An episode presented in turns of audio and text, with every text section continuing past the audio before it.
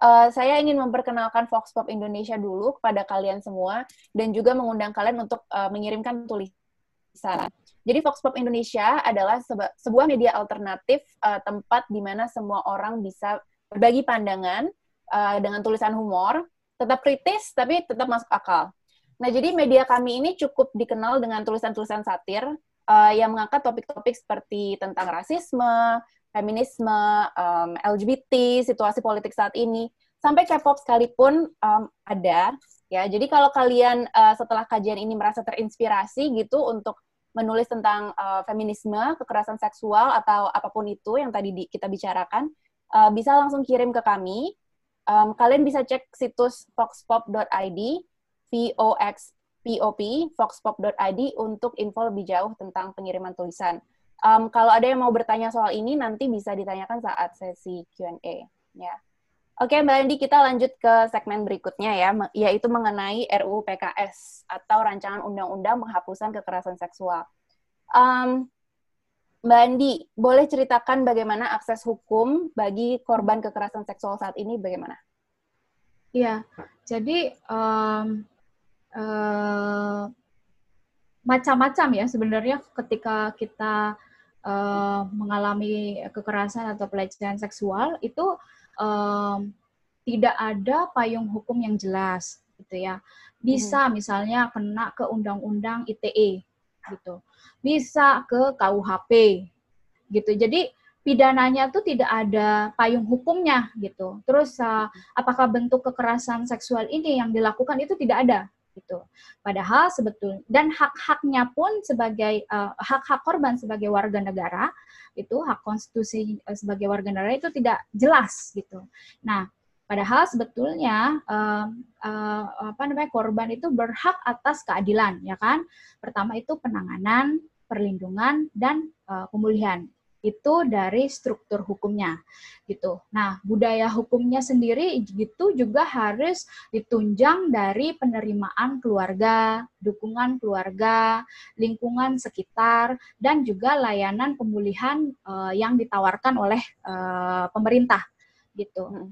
Nah, uh, masalahnya adalah baik substansi hukum dan kultur hukum kita itu belum mencerminkan sensitivitas gender gitu ya. Jadi uh, dua-duanya itu kalau ingin uh, meref, apa namanya uh, mengimplementasikan hak-hak keadilan korban itu harus sama-sama sensitif gender gitu. Nah, saya mau bilang bahwa hak hak-hak itu adalah hak tadi atas penanganan kan. Nah, hak atas penanganan itu adalah memberikan pelayanan ter, terpadu gitu dan terkoordinasi kepada korban gitu uh, untuk mendukung korban selama menjalani proses peradilan gitu. Nah, hak atas perlindungan memberikan rasa aman dan keamanan dirinya gitu keluarganya maupun properti yang dia miliki gitu uh, baik uh, sebelum uh, pasca dan setelah proses peradilan gitu. Terus hak atas pemulihan gitu. Hak atas pemulihan adalah eh, hak-hak yang di, uh, yang diberikan pasca uh, uh, apa namanya uh, proses peradilan itu terjadi gitu. Nah, uh, yang harusnya menjadi uh, fasilitas uh, uh, fasilitas yang uh, apa namanya uh, uh, mensupport korban itu adalah pertama misalnya adanya ruang pelayanan khusus di jajaran kepolisian gitu. Terus tenaga ahli yang memang uh, mumpuni ya, uh, uh, baik di psikologis dan di hukum gitu.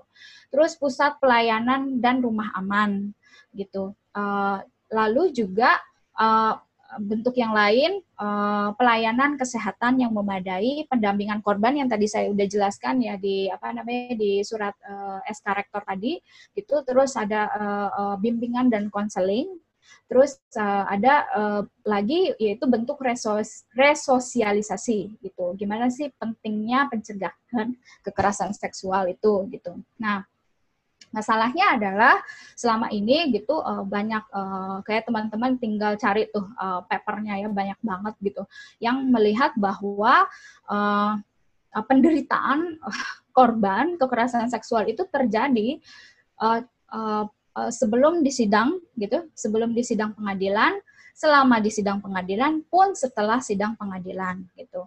Nah, ini terjadi karena uh, eh, APH-nya sendiri juga masih victim blaming itu tadi Antonia gitu ya. Hmm. Dia uh, uh, men misalnya menafsirkan materi hukum itu uh, dilatar belakangi oleh cara pandang dia yang masih bias gender dan patriarkis gitu. Terus sikap akhirnya yang mengakibatkan sikap-sikapnya itu menyudutkan korban gitu. Terus uh, uh, ini juga uh, apa mencerminkan cara memproses kasus gitu ya. Jadi uh, sikapnya itu sangat lamban gitu tidak diprioritaskan, terus apa-apa uh, uh, itu harus uh, sesuai dengan uh, ketentuan hukum begini, ketentuan hukum begitu gitu. Jadi menjadi apa namanya ketentuan hukum atau proses yang legas, legalistik formal ini kemudian menjadi alasan mereka untuk tidak memproses kasusnya secara cepat gitu. Hmm. Dan uh, juga uh, apa namanya uh, resistensi dari mereka gitu sebagai sistem peradilan pidana itu juga masih uh, menganggap bahwa kekerasan seksual itu bukan uh, kejahatan gitu. Nah, masuk ke RUU PKS ya kan? Uh, dia ini kan uh, produk uh, apa namanya rancangan ini itu diajukan gitu uh, dan uh, sejak tahun 2017 gitu. Terus uh, mendapatkan uh, apa namanya dukungan dari uh, gerakan perempuan ya. Dan juga gerakan-gerakan anak muda itu kita tahu misalnya kayak uh, aksi reformasi birokrasi tahun lalu itu salah satu uh, apa namanya poin uh, tuntutannya itu adalah pengesahan RUU PKS gitu. Dan ini uh, Eh, karena apa namanya uh, uh, karena ini menjadi desakan publik itu kemudian dibahas kan akhir September tahun lalu gitu. Uh, sehingga akhirnya uh, apa namanya uh, sampai akhir uh, tahun 2019 itu masih uh, dibahas gitu. Nah uh, diputuskan menjadi uh, apa bagian uh, salah satu uh, RUU uh, di prolegnas gitu kan program legislasi nasional tahun 2020 nah tapi dicabut gitu dari daftar prolegnas yang yang teman-teman tahu yang terjadi uh, bulan lalu itu gitu. Kenapa? Karena sentimen-sentimen uh, apa namanya uh, kebi, apa uh, RUU PKS ini dianggap sebagai uh, regulasi yang pro zina gitu ya. Jadi dianggap itu uh, uh, memungkinkan uh, masuknya uh, aktivitas seksual yang melanggar, terus dianggap pro kebebasan seksual gitu. Dan yang paling uh, sebetulnya yang paling dis, uh, diskusi yang uh, apa apa ya istilah uh, uh, sangat uh, belum clear ya di antara mereka itu adalah soal marital rape itu. Jadi per perkosaan di dalam perkawinan gitu. Mereka menganggap bahwa perti per ketidaksetujuan uh, istri uh, dalam menolak hubungan seksual itu bertentangan dengan eh, nilai-nilai uh, keagamaan gitu karena istri itu sah, sudah seharusnya uh, uh, tidak menolak tidak diperbolehkan untuk menolak hubungan sosi, uh, seksual dalam kacamata uh, interpretasi agama gitu kan nah hmm. Kemudian uh, uh, kita juga uh, apa namanya uh, melihat bahwa RUU PKS ini mampu menjadi uh, payung hukum perlindungan uh, uh, korban secara komprehensif karena juga uh, mampu uh, apa men, uh, mengkategorikan hal-hal yang tidak dianggap sebagai kekerasan seksual sebelumnya dan tidak dianggap sebagai uh, uh, apa tindakan kriminal yang harus dipidana. Misalnya catcalling gitu. Hmm terus uh, eksploitasi seksual, ya tadi pemaksaan perkawinan. Nah itu uh, sebelumnya itu tidak dipidana sama sekali gitu. Nah, um, uh, nah kemudian uh, RU PKS ini gitu uh, nilai tambahnya dia itu menambahkan unsur muatan alat bukti yang sah gitu. Dia juga memberikan elemen uh, pemulihan korban gitu dibandingkan yang lain. Kalau misalnya uh, produk hukum yang lain itu hanya misalnya ya sudah sifatnya itu voluntary, artinya sukarela, jadi tidak wajib itu lalu yang kedua itu uh, uh, lebih banyak ke unsur pencegahannya. Nah, padahal sebetulnya pemulihan itu kan juga tadi uh, yang kita sudah uh, apa namanya uh, uh, yang saya sudah jelaskan bahwa uh, pemulihan itu juga bagian dari hak korban gitu. Nah, uh, dia RUU juga sebagai payung hukum yang uh, menjamin adanya pendampingan korban, terus uh, melarang sikap para aparat hukum yang merendahkan, menyalahkan, dan membebankan pencarian alat bukti kepada korban, serta membeberkan identitas korban kepada media. Jadi dua uh, semuanya ini uh, apa namanya uh, mendapat pidana gitu ya, baik dari aparat penegak hukumnya maupun media yang kemudian membeberkan identitas korban gitu. Nah kemudian uh, uh, tadi uh, uh, yang saya sudah jelaskan juga uh, RUU PKS ini bukan hanya mengatur hak atas pemulihan uh, pasca kejadian tapi juga sudah di apa ya istilahnya sudah sudah mendapat uh, korban sudah mendapat haknya atas pemulihan itu sebelum, selama, dan setelah proses persidangan, gitu. Dan juga uh, pidana pokok dan pidana tambahannya itu kuat, uh, yang menciptakan efek jera terhadap pelaku gitu ya. Di, dan uh, apa namanya uh, uh, dibandingkan dengan KUHP atau dibandingkan dengan undang-undang yang lain gitu. Dan juga karena dia um, apa uh, memberikan keadilan juga pada pelaku jadi ada akses rehabilitasi khusus bagi pelaku kekerasan seksual gitu. Hmm. Uh, okay. Terus uh, juga elemen yang penting adalah di RUU PKS ini dia juga dari elemen pencegahannya ya memasukkan kurikulum uh, apa namanya pentingnya pencegahan ke, uh, kekerasan seksual di sekolah maupun perguruan tinggi itu sifatnya wajib. Jadi uh, sudah uh, uh, jadi diatur di undang-undang ini gitu. Uh, Rehabilitasi untuk pelaku tuh bentuknya seperti apa ya, Mbak?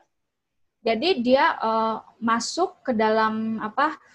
Uh, ke dalam uh, uh, kayak di karantina gitu, gitu. Terus diberikan uh, akses ke psikologi, gitu. Hmm. Uh, uh, pemulihan juga, tapi uh, tetap mendapatkan uh, pidana, gitu ya. Jadi uh, uh, sosialisasi bahwa ketika kamu keluar dan mendapatkan pidana, keluar dari sini, dari rehabilitasi ini, dan kamu uh, mendapatkan pidana, kamu tidak boleh melakukan ini lagi. Jadi uh, itu uh, apa namanya menjadi uh, akses yang di uh, yang akan diperoleh oleh uh, pelaku gitu. Jadi kalau tidak pemulihan terhadap korban? Kalau pemulihan yang terhadap korban yang saya tadi sudah jelaskan ya, jadi uh, psikologis, terus uh, ke hukum, uh, ke ekonomi gitu. Terus uh, juga uh, ke keluarga dan ke komunitas gitu. Nah, misalnya uh, ya uh, ke ekonomi ya. Nah, ini juga menjadi nilai tambah. Maaf, makasih ya Antonia ditekankan. Jadi, misalnya ke ekonomi gitu. Nah, pemulihan yeah. ekonomi ini uh, uh, apa namanya salah satu nilai tambahnya RUU PKS yang tidak ada di produk hukum uh, sebelumnya gitu. Nah, kenapa? Hmm. Karena uh, uh, salah satu dampak yang uh, uh, dialami yang uh, yang dialami atau menjadi konsekuensi bagi para korban itu adalah akses terhadap ekonominya menjadi uh, ter, terbatas. Misalnya uh, bekerja gitu, akses dia uh, ke ke pekerjaan itu uh, menjadi uh, terganggu atau terbatas. Nah, misalnya kalau dalam kasus uh, apa kekerasan di dalam tempat kerja gitu ketika kejadian ini di apa di, di, di dilakukan oleh uh, Eh, para salah satu manajemen di perusahaan tersebut, maka uh, pelaku maupun si perusahaan tersebut harus menyediakan uh, uang kompensasi ya, kompensasi dan juga bukan hanya kompensasi, tapi juga uh, job security bagi si uh, korban gitu. Hmm. Juga uh, uh, apa namanya nilainya pun itu bukan yang kemudian uh, diganti dari uh, nilai uang yang dia terima, enggak. Jadi harus dihitung dari uh, kehilangan uh, baik non finansial maupun eh, baik finansial maupun yang non finansial. Ini yang uh, uh, mendapat uh, ini yang didapatkan oleh uh, korban untuk uh, pemulihan secara ekonomi. Gitu. Hmm. Ini Dengan aspek pemulihan ini aspek pemulihan ini berarti um, penting sekali ya, Mbak Andi. Mm -hmm Ya, jadi dengan demikian kan proses tadi menjadi korban menjadi survivor tidak ada lagi alasan bahwa maksudnya uh, uh, mereka menjadi uh, terbat apa ya istilahnya karena adanya perkosaan ini atau ada kekerasan seksual ini mereka kemudian uh, apa namanya istilahnya tidak mendapatkan akses finansial apa pun gitu, akses keuangan apa pun atau akses uh, mata pencarian apa pun gitu. Nah, dengan pemulihan ini diharapkan itu menjadi modal dia untuk memberdayakan dirinya.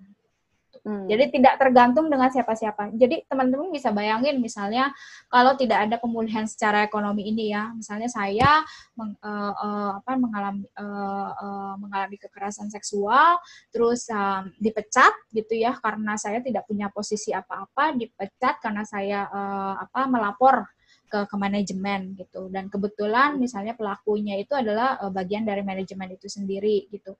Dan hmm. otomatis uh, saya tidak akan bisa kembali lagi ke tempat kerja itu kan. Nah kalau uh, apa namanya hal yang terjadi lagi adalah stereotyping terhadap saya. Saya stereotyping terhadap korban itu uh, kemudian uh, menul apa namanya di, di di ini sengaja dihembuskan gitu dari perusahaan uh, ini ke perusahaan yang lain sehingga menutup dia untuk uh, bekerja gitu. Dan ya sudah dengan uh, apa namanya dengan demikian uh, saya sebagai korban tidak punya apa kapital apa-apa lagi. Misalnya untuk ke kepolisian untuk uh, apa namanya untuk uh, mencari misalnya kalau saya pencari nafkah gitu untuk keluarga saya saya tidak bisa lagi mencari nafkah untuk keluarga saya gitu hmm. atau misalnya menjalani proses-proses hukum yang lain gitu. Nah, ini pemulihan ekonomi inilah yang uh, sangat penting ya uh, apa bagi uh, korban gitu. Mm -mm, mm Oke, okay. uh, Badi sekarang kita akan masuk ke segmen terakhir, uh, yaitu tentang bagaimana peran publik, uh, termasuk kita masyarakat, uh, dapat mengedukasi sesama tentang semua yang tadi kita bahas di atasnya tentang kekerasan seksual, victim blaming, rap culture, kebutuhan akan RUU PKS. Uh, gimana Mbak di peran publik dalam hal ini? Iya, jadi uh, apa namanya uh, awareness itu penting gitu ya, kesadaran bahwa kekerasan seksual itu ada. Gitu. Kekerasan seksual itu adalah kejahatan gitu, yang harus uh, apa namanya, uh, yang harus ditindak itu itu uh, uh, harus menjadi bagian nilai harus jadi bagian dari nilai kita semua gitu dalam kehidupan gitu ya. Nah, karena kemudian kita punya kesadaran sehingga uh, baik kita yang tidak mengalaminya itu mampu uh, apa ya istilahnya mengundang uh, men atau menciptakan ruang-ruang diskusi ini ya jadi tidak mandek gitu loh. Uh, tidak jadi pen, uh, jadi apa ya jadi inspir jadi kesadaran pribadi saja gitu. Tapi mampu membawanya dari yang personal terus ke kolektif gitu. Jadi diomongin bareng-bareng gitu.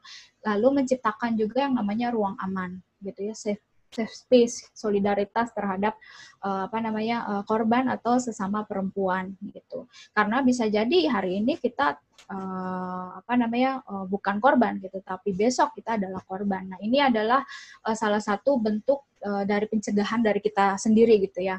Lalu yang kedua, uh, ketiga adalah sisterhood gitu, persaudaraan gitu antara perempuan dengan perempuan. Karena gini, saya mau cerita bahwa yang melakukan victim blaming itu sendiri itu sebetulnya bukan hanya laki-laki gitu, tapi ya. juga perempuan yang uh, apa yang uh, yaitu uh, uh, mindsetnya itu uh, secara tidak sadar itu membawa nilai-nilai yang patriarkis gitu.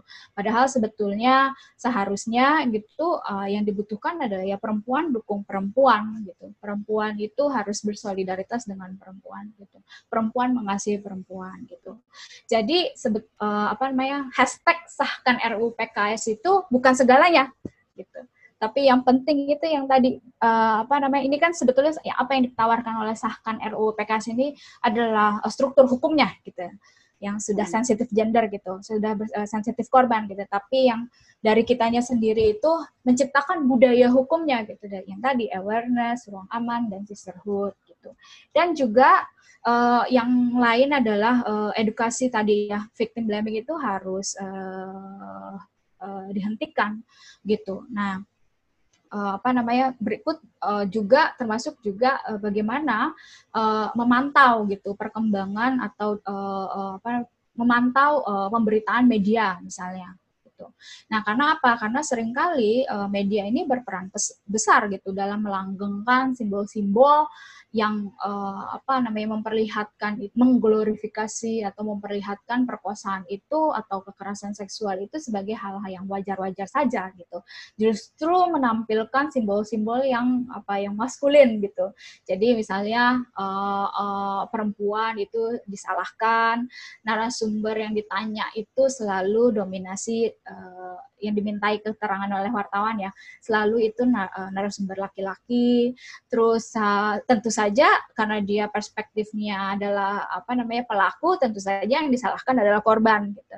Terus perempuan itu dianggapkan dianggap sebagai pihak yang lemah tidak berdaya. Nah sehingga uh, apa namanya uh, media ini mereproduksi stigma dan label negatif terhadap uh, perempuan itu per, uh, terhadap perempuan korban gitu uh, uh, melalui uh, masyarakat. Karena kan media ini kan corongnya masyarakat ya gitu. Dan uh, karena ada apa namanya media ini kemudian menjadi corong masyarakat sehingga memberikan beban psikologis bahwa uh, edukasi terhadap uh, apa namanya media massa yang tidak uh, tadi uh, melanggengkan simbol-simbol atau mengglorifikasi atau juga yang mereka begitu itu kan sebetulnya karena uh, mencari clickbait ya, mencari popularitas, mencari rating gitu. Nah, ini yang uh, apa namanya uh, sudah seharusnya ya sudah nggak zamannya lagi. Itu uh, uh, apa namanya begitu gitu ya. Uh, harus diakhiri gitu gitu. Hmm. Dan terima uh, kasih Mbak Andi. Iya. Ada yang mau ditambahkan? Iya, jadi uh, mungkin teman-teman bisa sharing ya. Jadi ada contoh contoh-contoh baik gitu uh, di Indonesia sebetulnya yang uh, apa namanya harus bisa lebih populer lagi sih di kalangan anak muda gitu. Jadi ada uh, nama baik, nama baik uh, kampus gitu ya. Ini sebenarnya uh, uh, apa namanya uh, tergabung dari tiga media alternatif ya. Uh, tiga media di Indonesia, Tirto ID, Jakarta Post, Vice Indonesia gitu. Nah, uh, mereka itu menyedia bikin platform gitu online gitu hmm. di mana uh, apa namanya eh, mahasiswa itu punya akses untuk melaporkan kekerasan seksual yang dialaminya gitu. Mereka bisa mendaftarkan atau meregister eh, kasusnya, terus juga eh, memberi testimoni eh, dengan adanya digital stories ini yang kemudian jadi eh, apa namanya kampanyenya mereka. Nama baik kampus itu itu eh, digital storiesnya eh, itu judulnya curhat eh, pelecehan seksual. Lalu juga uh, kalau teman-teman tahu sebetulnya uh, secara global yang kemudian uh, apa namanya masuk ke sini gitu itu namanya Me campaign gitu. Jadi uh, sebuah gerakan uh, yang melawan pelecehan seksual di mana uh, orang-orang ini kemudian uh, bersuara gitu. Jadi uh, apa namanya uh, bersuara yang awalnya sebetulnya mereka itu uh, speak up dan uh, menyebut gitu ini orang-orang yang harusnya bertanggung jawab atas uh, pelecehan seksual yang terjadi pada dirinya gitu. Ini sebetulnya dimulai dari tahun 2006 terus uh, apa uh, aktivitasnya pun sebenarnya uh, belum karena 2006 ya itu masih di MySpace gitu. Terus uh, kemudian uh, apa namanya berganti karena sosial media sekarang sudah dipermudah ya dengan uh, hashtag akhirnya menjadi hashtag uh, MeToo gitu. Terus juga banyak uh, banyak juga organisasi yang menawarkan layanan hotline gitu kayak misalnya LBH Apik gitu ya di berbagai komunitas kan mereka punya cabang tuh. Terus juga ada yayasan pulih terus juga ada Samsara. Kalau di Yogyakarta dia punya hotline counseling service. Terus kalau platform untuk diskusi mengenai hal ini uh, uh, ada Jakarta Feminis kalau teman-teman tahu. Terus uh, juga jaringan muda gitu. Nah, jaringan muda ini adalah uh, apa namanya uh, mendorong permen gitu ya mengenai kekerasan seksual di pendidikan tinggi terus juga di perguruan tinggi keagamaan Islam. Jadi uh, ini yang uh, bisa di ini ya. Ya kayaknya sih teman-teman lebih tahu ya uh, apa namanya bentuk-bentuk uh, praktik baik yang lain. Tapi um, sejauh ini yang apa namanya uh, sudah sangat kemudian bisa diakses ya oleh teman teman-teman muda uh, yang ini gitu. Ini uh, dinilai sangat bermanfaat. Gitu hmm. ya. Oke, okay, thank you Mbak Andi. Um, apa yang sebaiknya kita lakukan kalau kita kenal nih ada orang teman kita dia menjadi pelaku kekerasan seksual? Karena tadi kan untuk korban tadi Mbak Andi sudah sudah yeah. sempat singgung gitu. Tapi kalau kita kenal pelakunya gimana? Apa sebaiknya kita laporkan atau konfrontasi langsung atau gimana? Kalau kita tahu pelaku berarti kita tahu korban kan? Korbannya siapa gitu.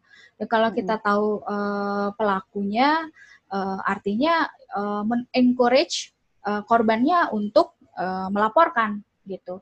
Terus yang kedua uh, apa namanya itu tergantung dengan caranya teman-teman ya. Memberitahu langsung gitu memberitahu langsung bahwa apa yang kamu lakukan itu tidak baik gitu ya. Uh, apa yang kamu lakukan itu uh, uh, uh, punya unsur pidana tertentu gitu.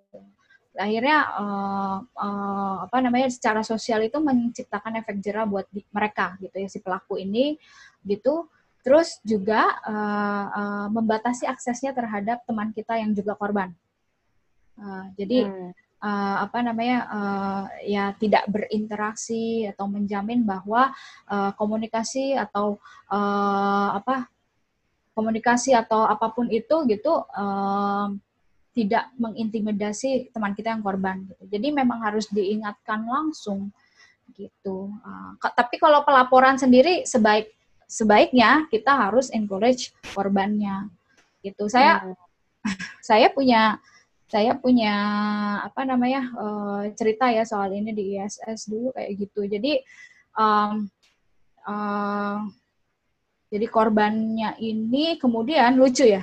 Korbannya ini karena kita begitu ya, maksudnya memperingatkan terus kemudian uh, apa mengencourage uh, oh, uh, teman kita yang korban gitu untuk melaporkan gitu. Nah, jadi itu ada kontestasi.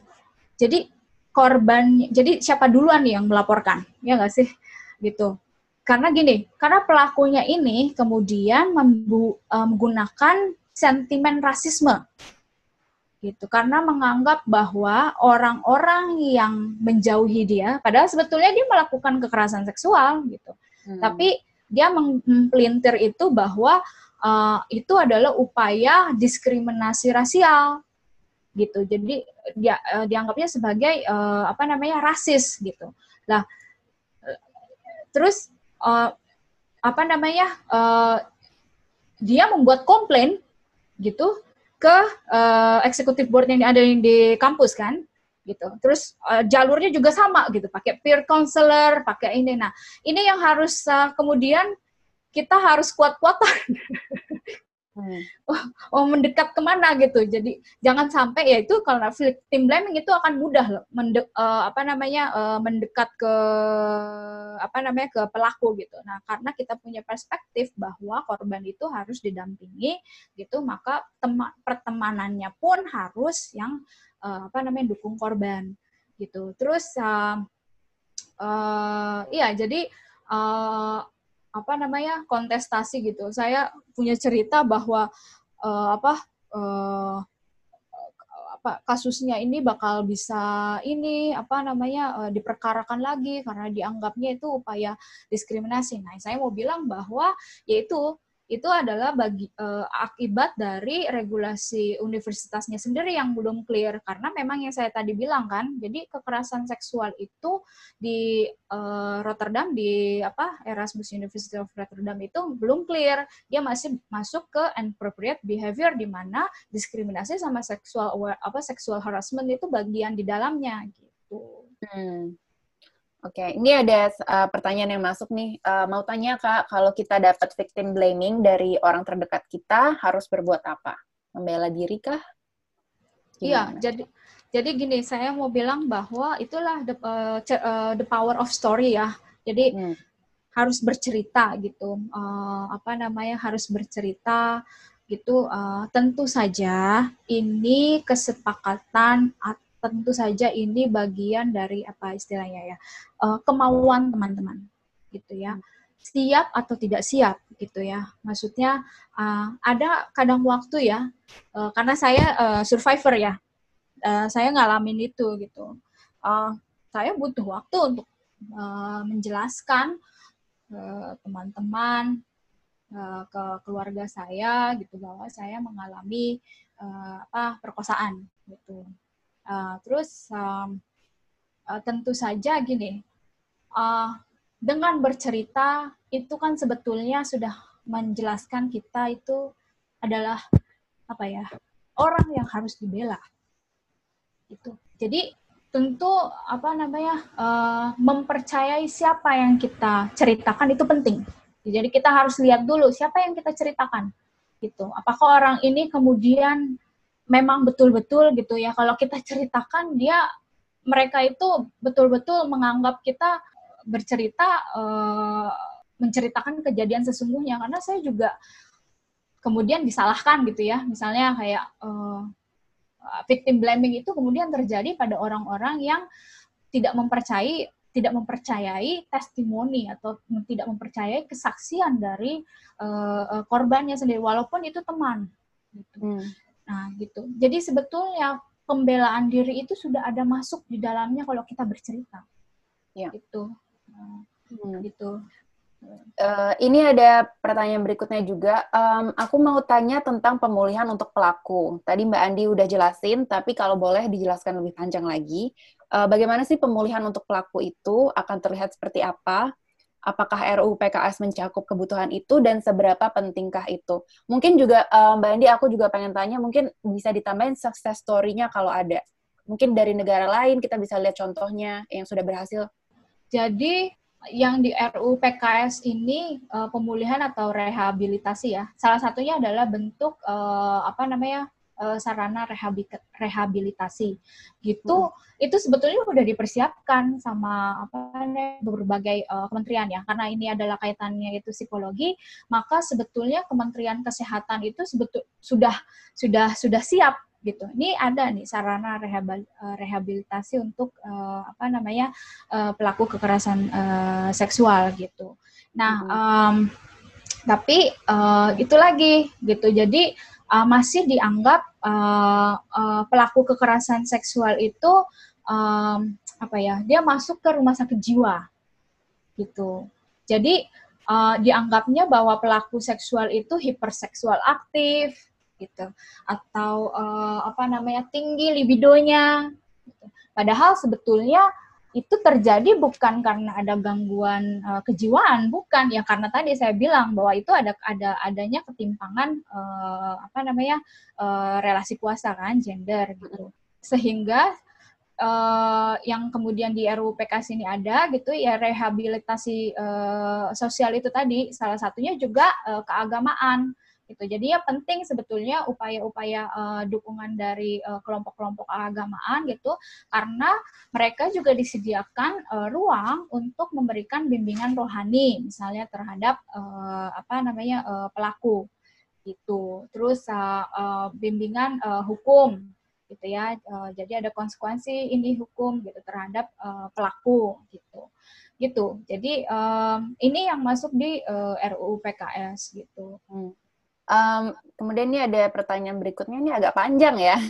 Uh, dalam mengusahakan mengusahakan keadilan bagi individu perempuan korban kekerasan seksual, tentunya bersinggungan dengan self worth dari individu itu sendiri. Ada kemungkinan terjadi penurunan self worth akibat tindakan kekerasan seksual, um, atau bahkan sejak awal uh, dia memang sudah memiliki tingkat self worth yang kurang tinggi. Jadi mungkin ini pertanyaannya mengenai uh, apakah concern mengenai self worth ini perlu menjadi concern atau justru hmm. malah termasuk ke dalam victim blaming. Ini jadi maksudnya kalau kita uh, berusaha encourage uh, si korban untuk speak up atau untuk uh, memperkarakan kasusnya, kemudian dia terhambat oleh persepsi mengenai dirinya sendiri gitu kali ya Mbak ya. Ini pertanyaan ini, ya. ini aku mengartikan ya. pertanyaan. Ha -ha, itu gimana Mbak? Hmm, iya, saya setuju ya. Jadi memang hmm. self worth itu memang harus di apa di encourage gitu. Uh, uh, karena apa? Karena ya uh, ketika dia berani untuk uh, mengatakan gitu, uh, sehingga tidak ada lagi celah-celah orang untuk uh, melakukan victim blaming gitu kan gitu karena ada klarifikasi informasi dari korbannya sendiri gitu ya coba teman-teman bayangkan kalau misalnya dia tidak punya self worth gitu ya. Ini saya nggak tahu ya apakah ini uh, betul jawaban saya. Maksudnya uh, uh, apa namanya pemaknaan saya terhadap pertanyaan betul atau enggak. Gitu. Jadi yeah. uh, uh, kalau mereka tidak punya self worth, ya justru yang harus di encourage adalah uh, misalnya tidak perlu melalui dirinya untuk ngomong gitu, tapi misalnya hmm. uh, apa namanya uh, uh, dengan bentuk-bentuk uh, lain gitu ya platform-platform uh, lain gitu misalnya surat gitu. Tapi tentu tahu uh, siapa tertujunya, pelakunya itu siapa gitu. Surat atau misalnya uh, uh, uh, ya di sosial media banyak kan kayak uh, uh, uh, petisi kah atau uh, apa status gitu. Nah, itu itu bisa uh, kemudian bisa jadi corong dari korban untuk uh, speak up gitu kan. Nah, um, ya itu betul itu jadi concern gitu gimana uh, mereka bisa uh, encourage uh, satwa satwa itu sendiri gitu supaya bisa uh, speak up uh, lebih uh, apa vokal lagi gitu. Nah masalahnya ini lagi gitu. ada juga di mana gitu ya makanya ini ya victim blaming culture ini yang seharusnya uh, jadi bukan kemudian kita melihat dari kapasitas individunya ya tapi hmm. justru hmm. dari culture kita gitu karena gini, ada lagi anggapan bahwa kalau perempuan itu terlalu speak up sebagai uh, apa namanya uh, korban, pemaknaannya pun lain, gitu. Yeah. Gitu dianggapnya itu perempuan, jadi dihantam lagi gitu dengan victim blaming yang lebih keras gitu. Hmm. Jadi bukannya didukung kalau speak up lebih apa namanya lebih lebih vokal gitu, justru malah ditentang gitu, lebih uh, keras lagi gitu. Nah, kemudian kan efeknya itu bukan ke uh, apa namanya, bukan uh, ke dirinya sebagai uh, personal gitu, tapi juga ke keluarganya, ke hmm. komunitasnya, ke lingkungan-lingkungan yang lain yang di mana dia terlibat di situ gitu. Nah ini jadi bukan kapasitas internal dia atau jadi dia punya self worth atau tidak punya self worth gitu ya. Biarkan maksudnya ada ada mekanisme untuk itu gitu ya.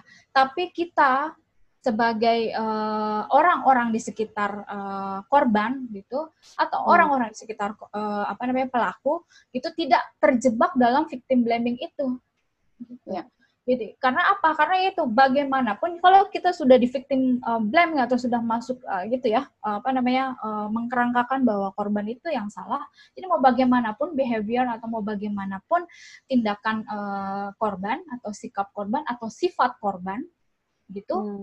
itu akan uh, apa namanya akan uh, uh, uh, bertentangan tuh gitu akan akan punya hmm. pemaknaan yang negatif buat kita. Misalnya gitu ya ada anggapan bahwa korban itu kan pasif ya gitu. Hmm. jadi tidak tidak bersuara gitu. Nah ketika dia speak up gitu dia itu bertentangan lagi gitu. Oh, perempuan itu kan seharusnya tidak ngomong gitu. Itu jadi balik lagi ke dasarnya gitu nilai yang akarnya itu. Perempuan itu harusnya pasif gitu. Jadi harusnya uh, uh, uh, apa namanya nggak speak up kayak gitulah. Terlalu vulgar lah. Inilah gitu. Lah hmm. banyak lah elemen-elemen yang apa ya istilahnya uh, uh, memungkinkan victim blaming itu terjadi gitu. Dan uh, Iya, respon apa yang sebaiknya gitu uh, ketika apa namanya uh, korban ini mengalami kekerasan seksual, terus uh, uh, terjadi victim blaming gitu, hmm. yaitu mekanisme komplain itu. Jadi jangan berhenti ke pelaku ya. Jadi saya mau bilang hmm. jangan berhenti ke pelaku. Kalau teman-teman mengalami victim blaming gitu, siapa pun ya, teman atau uh, sekitar kita gitu menyalahkan kita, teman-teman dengar itu laporkan juga hmm. gitu jadi uh, apa namanya jangan jangan berhenti bahwa karena si apa namanya yang melakukan ini adalah pelaku jadi ada efek jerahnya juga buat si apa uh, pelaku pelaku victim blaming ini gitu hmm. Jadi misalnya Jadi lebih penting bisa, lebih penting buat kita uh, untuk orang-orang di sekitar korban ini untuk menciptakan lingkungan di mana uh, dia bisa merasa nyaman untuk speak up gitu ya. Dibanding iya. kita concern uh, untuk lebih kayak ayo dong kamu tingkatkan self worth kamu segala macam gitu. Jadi daripada fokus ke dianya ya kita fokus fokus untuk menciptakan lingkungan itu sendiri betul, gitu. Betul.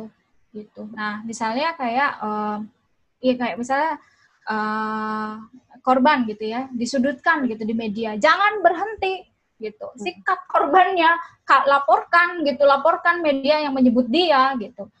Gitu. Jadi uh, dan undang undang-undang misalnya mencemarkan nama baik kan, dan itu hmm. kalau misalnya RUU PKS itu uh, uh, apa namanya uh, jadi legislasi itu di di di di di, di, di legislasi gitu uh, itu menjadi uh, pasal yang resmi kalau uh, media itu uh, tidak boleh uh, membeberkan identitas rahasia korban gitu hmm. atau menggunakan bahasa-bahasa yang menyudutkan korban gitu kan nah itu gitu. Aparat hukum gitu. Begitu gitu. Jangan kemudian kita diam-diam saja. Enggak. Harus diproses juga gitu. Memang lelah gitu. Saya mau bilang lelah itu menjelaskan menjalani itu lelah gitu. Tapi kalau kita punya kekuatan dan kita didukung oleh teman-teman atau didukung oleh lingkungan sekitar kita yang juga memberikan kekuatan gitu pasti uh, apa bisa dilalui gitu kan. Hmm. Nah, ini ada pertanyaan lain ya, Antonia ya? Ya. Oh. Banyak nih pertanyaannya.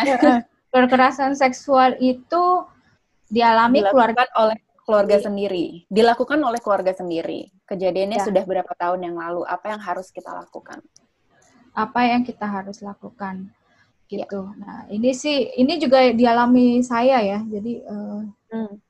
uh, apa namanya dilakukan oleh orang terdekat kita gitu. Terus uh, nah itu uh, apa namanya tergantung dari teman-teman uh, ya gitu. Uh, mekanisme hukum itu ada. Jadi kalau saya encourage untuk laporin gitu. Terus uh, apa namanya uh, melaporkan gitu ya. Atau cara misalnya kalau itu sudah kayak kasus saya itu udah uh, sudah lama sekali gitu nah itu bisa dengan misalnya uh, uh, uh, apa namanya speak up gitu hmm. speak up di keluarga gitu kan gitu nah, karena kan uh, kalau kita memanggil kasus yang sudah lama itu jadi tidak relevan lagi kan gitu hmm. proses uh, identifikasi apa namanya evidence itu menjadi sangat sulit gitu. Nah, itu yang uh, apa namanya bisa dilakukan gitu, speak up, terus juga uh, jangan apa namanya, uh, saya ingat betul dulu uh, karena itu ada terjadi rumah saya gitu, jadi yang saya lakukan juga uh, apa namanya cerita ke orang tua saya gitu, cerita ke orang tua saya walaupun uh, apa namanya meng saya mengalami apa ya sama ya biasa uh, karena uh, saking apa ya istilahnya terkejutnya gitu, saking terkejutnya gitu. Nah, elemen elemen-elemen mempersalahkan saya juga ada gitu. Kenapa? Jadinya akhirnya misalnya saya jadi tidak boleh ke sini, tidak boleh ke situ gitu kan. Nah, terus uh, yang saya bisa yang kemudian saya lakukan adalah saya tidak mau terjadi itu ke adik-adik saya maupun ke keluarga saya yang perempuan gitu. Jadi uh, uh, apa namanya saya kemudian uh, menceritakan ini ke keluarga keluarga saya anggota keluarga saya yang lain gitu. Uh, apa namanya uh, kamu hati-hati sama ini kamu hati-hati uh, dengan apa namanya dengan uh, uh, orang ini gitu kan. Nah terus uh, apa namanya uh, uh, dokumentasikan teman pengalaman teman-teman gitu ya dan dokumentasi itu penting kenapa gitu walaupun itu kemudian jadi anonimus atau tanpa nama gitu tapi kemudian itu bisa memperlihatkan bahwa kekerasan seksual itu memang terjadi dari dulu gitu. Bahwa yang namanya kekerasan seksual itu terjadi dari dulu dan dialami oleh uh, apa namanya dilakukan oleh orang-orang terdekat kita. Dan memang betul gitu. Uh, Komnas Perempuan itu hasil uh, apa namanya studinya memperlihatkan bahwa um, pelaku uh, kekerasan seksual itu paling besar adalah keluarga sendiri. Iya gitu Antonia. Jadi uh, apa ya. namanya uh, uh, uh, speak up ya gitu. Tapi gini, saya mau cerita bahwa proses saya uh, apa namanya istilah yang me, uh, memahami bahwa proses dari korban ke survivor itu adalah langkah yang panjang gitu karena apa? Karena ya tadi ya uh, hyper arousal itu gitu karena itu gejala traumatis yang dialami gitu ya menyalahkan diri sendiri merasa hmm. apa istilah uh, merasa uh, tidak punya apa tidak punya tidak layak sebagai manusia, tidak punya harga diri, tidak hmm. punya masa depan, tidak punya harapan gitu.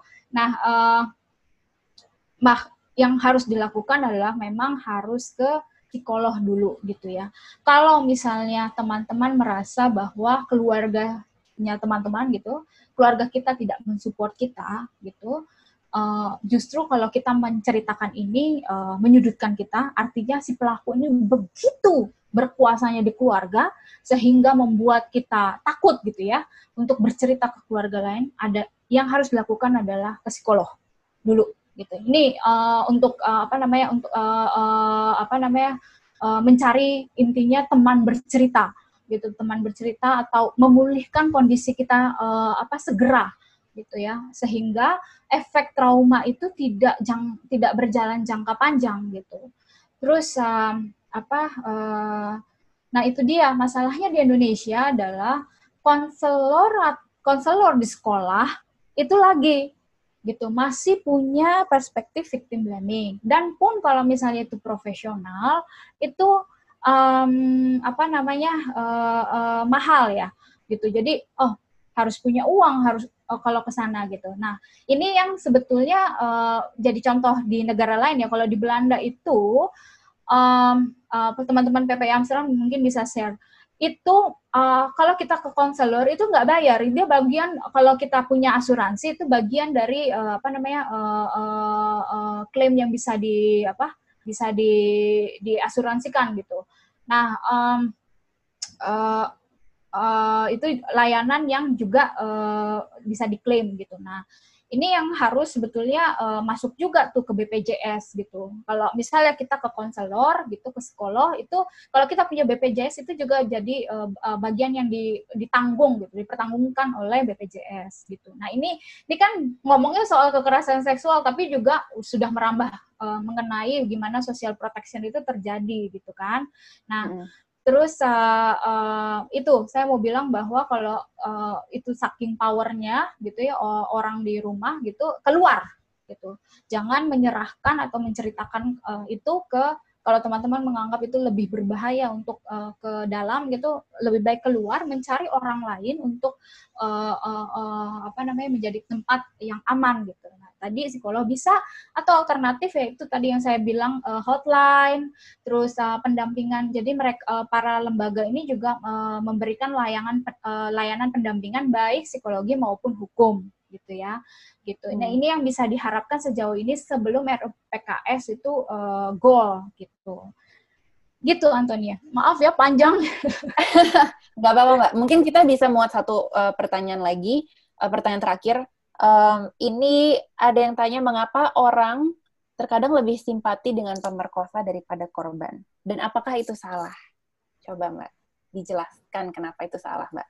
Ya karena eh, dengan adanya apa namanya kalau simpati apa namanya simpati itu justru dilayangkan terhadap korban gitu ya pelanggengan kekerasan seksual itu akan terus terjadi kan gitu hmm. dan orang-orang ini akan melihat bahwa kekerasan seksual itu yang sebetulnya adalah apa namanya ya tadi bentuk kejahatan bentuk uh, apa namanya uh, penguasaan dominasi gen antara apa namanya uh, jenis kelamin tertentu dengan jenis kelamin yang lain gitu um, yang kemudian berdampak pada uh, bukan hanya ke psikologi tapi ke sosial, ke ekonomi, ke hukum gitu. Nah, perso persoalannya juga tidak bisa diselesaikan dalam satu waktu dalam satu waktu ini membutuhkan persoalan yang luar biasa lamanya gitu. Nah, kalau teman-teman ingat itu gitu. Jadi kekerasan seksual itu tidak sesimpel apa namanya tidak sesimpel itu gitu. Nah, kita tidak akan apa namanya tidak akan bersimpati uh, terhadap uh, pelaku gitu. Nah, kalau misalnya juga pelaku itu mendapatkan simpati, ya dia tentu saja tidak akan jerah dia akan terus melakukan itu pun bagi misalnya ya saya mau bilang karena ini hari ini pelakunya masih banyak laki-laki pun dengan laki-laki lain pun dengan generasi setelahnya pun dengan anak-anak laki-laki yang menjadi contoh tidak baik gitu. Dianggapnya bahwa menjadi pelaku itu tidak apa-apa, menjadi pelaku itu normal gitu. Nah, uh, itu yang kemudian bukan hanya melanggengkan kekerasan seksual terjadi, tapi juga secara uh, apa uh, akarnya gitu melanggengkan um, relasi kuasa sehingga menutup ruang perempuan untuk menyetarakan dirinya dengan laki-laki. Jadi nonsense kalau kita masih kita ngomongin soal equal participation, kesempatan yang sama. Kalau mis kesempatan yang sama dalam pendidikan, kesempatan yang sama dalam ekonomi, kesempatan yang sama dalam pemerintahan ataupun politik gitu. Kalau kita masih kalau kita masih menganggap kekerasan seksual itu adalah hal yang lumrah atau normal dilakukan oleh laki-laki terhadap perempuan. Jadi kenapa? Karena kekerasan seksual ini adalah nih saya definisi saya ya, ini adalah bentuk yang paling primitif uh, penguasaan antara laki-laki dengan perempuan. Kenapa?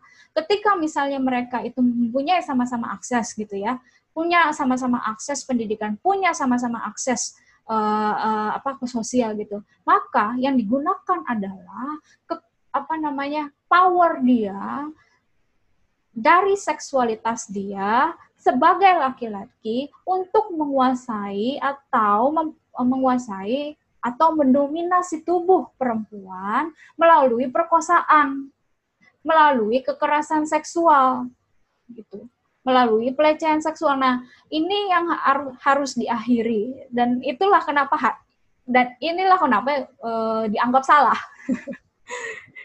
gitu. Ya.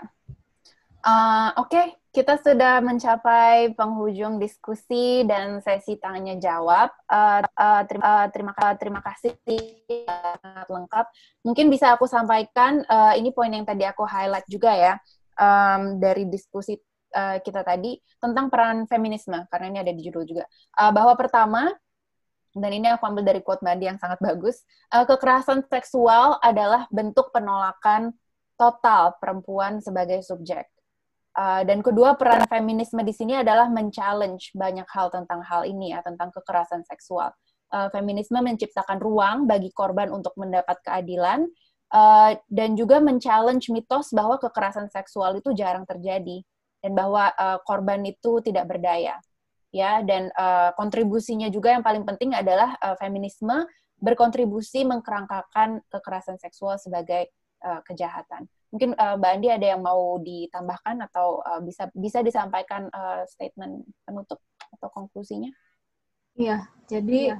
regulasi itu penting ya yang saya ya. bilang yaitu regulasi penting tapi uh, selain regulasi, yang penting juga adalah uh, gimana uh, kita uh, membudayakan bahwa korban itu harus dilindungi, bahwa kita tidak uh, seksis, bahwa uh, kekerasan seksual itu harus uh, apa namanya dihindari gitu.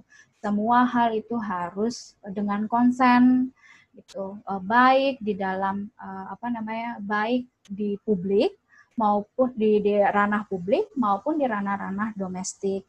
Baik itu di pacaran, baik itu di lingkungan perkuliahan, baik itu di pekerjaan maupun di uh, lingkungan lingkungan yang lain gitu. Kalau victim blaming itu kadang-kadang kan tidak sadar gitu.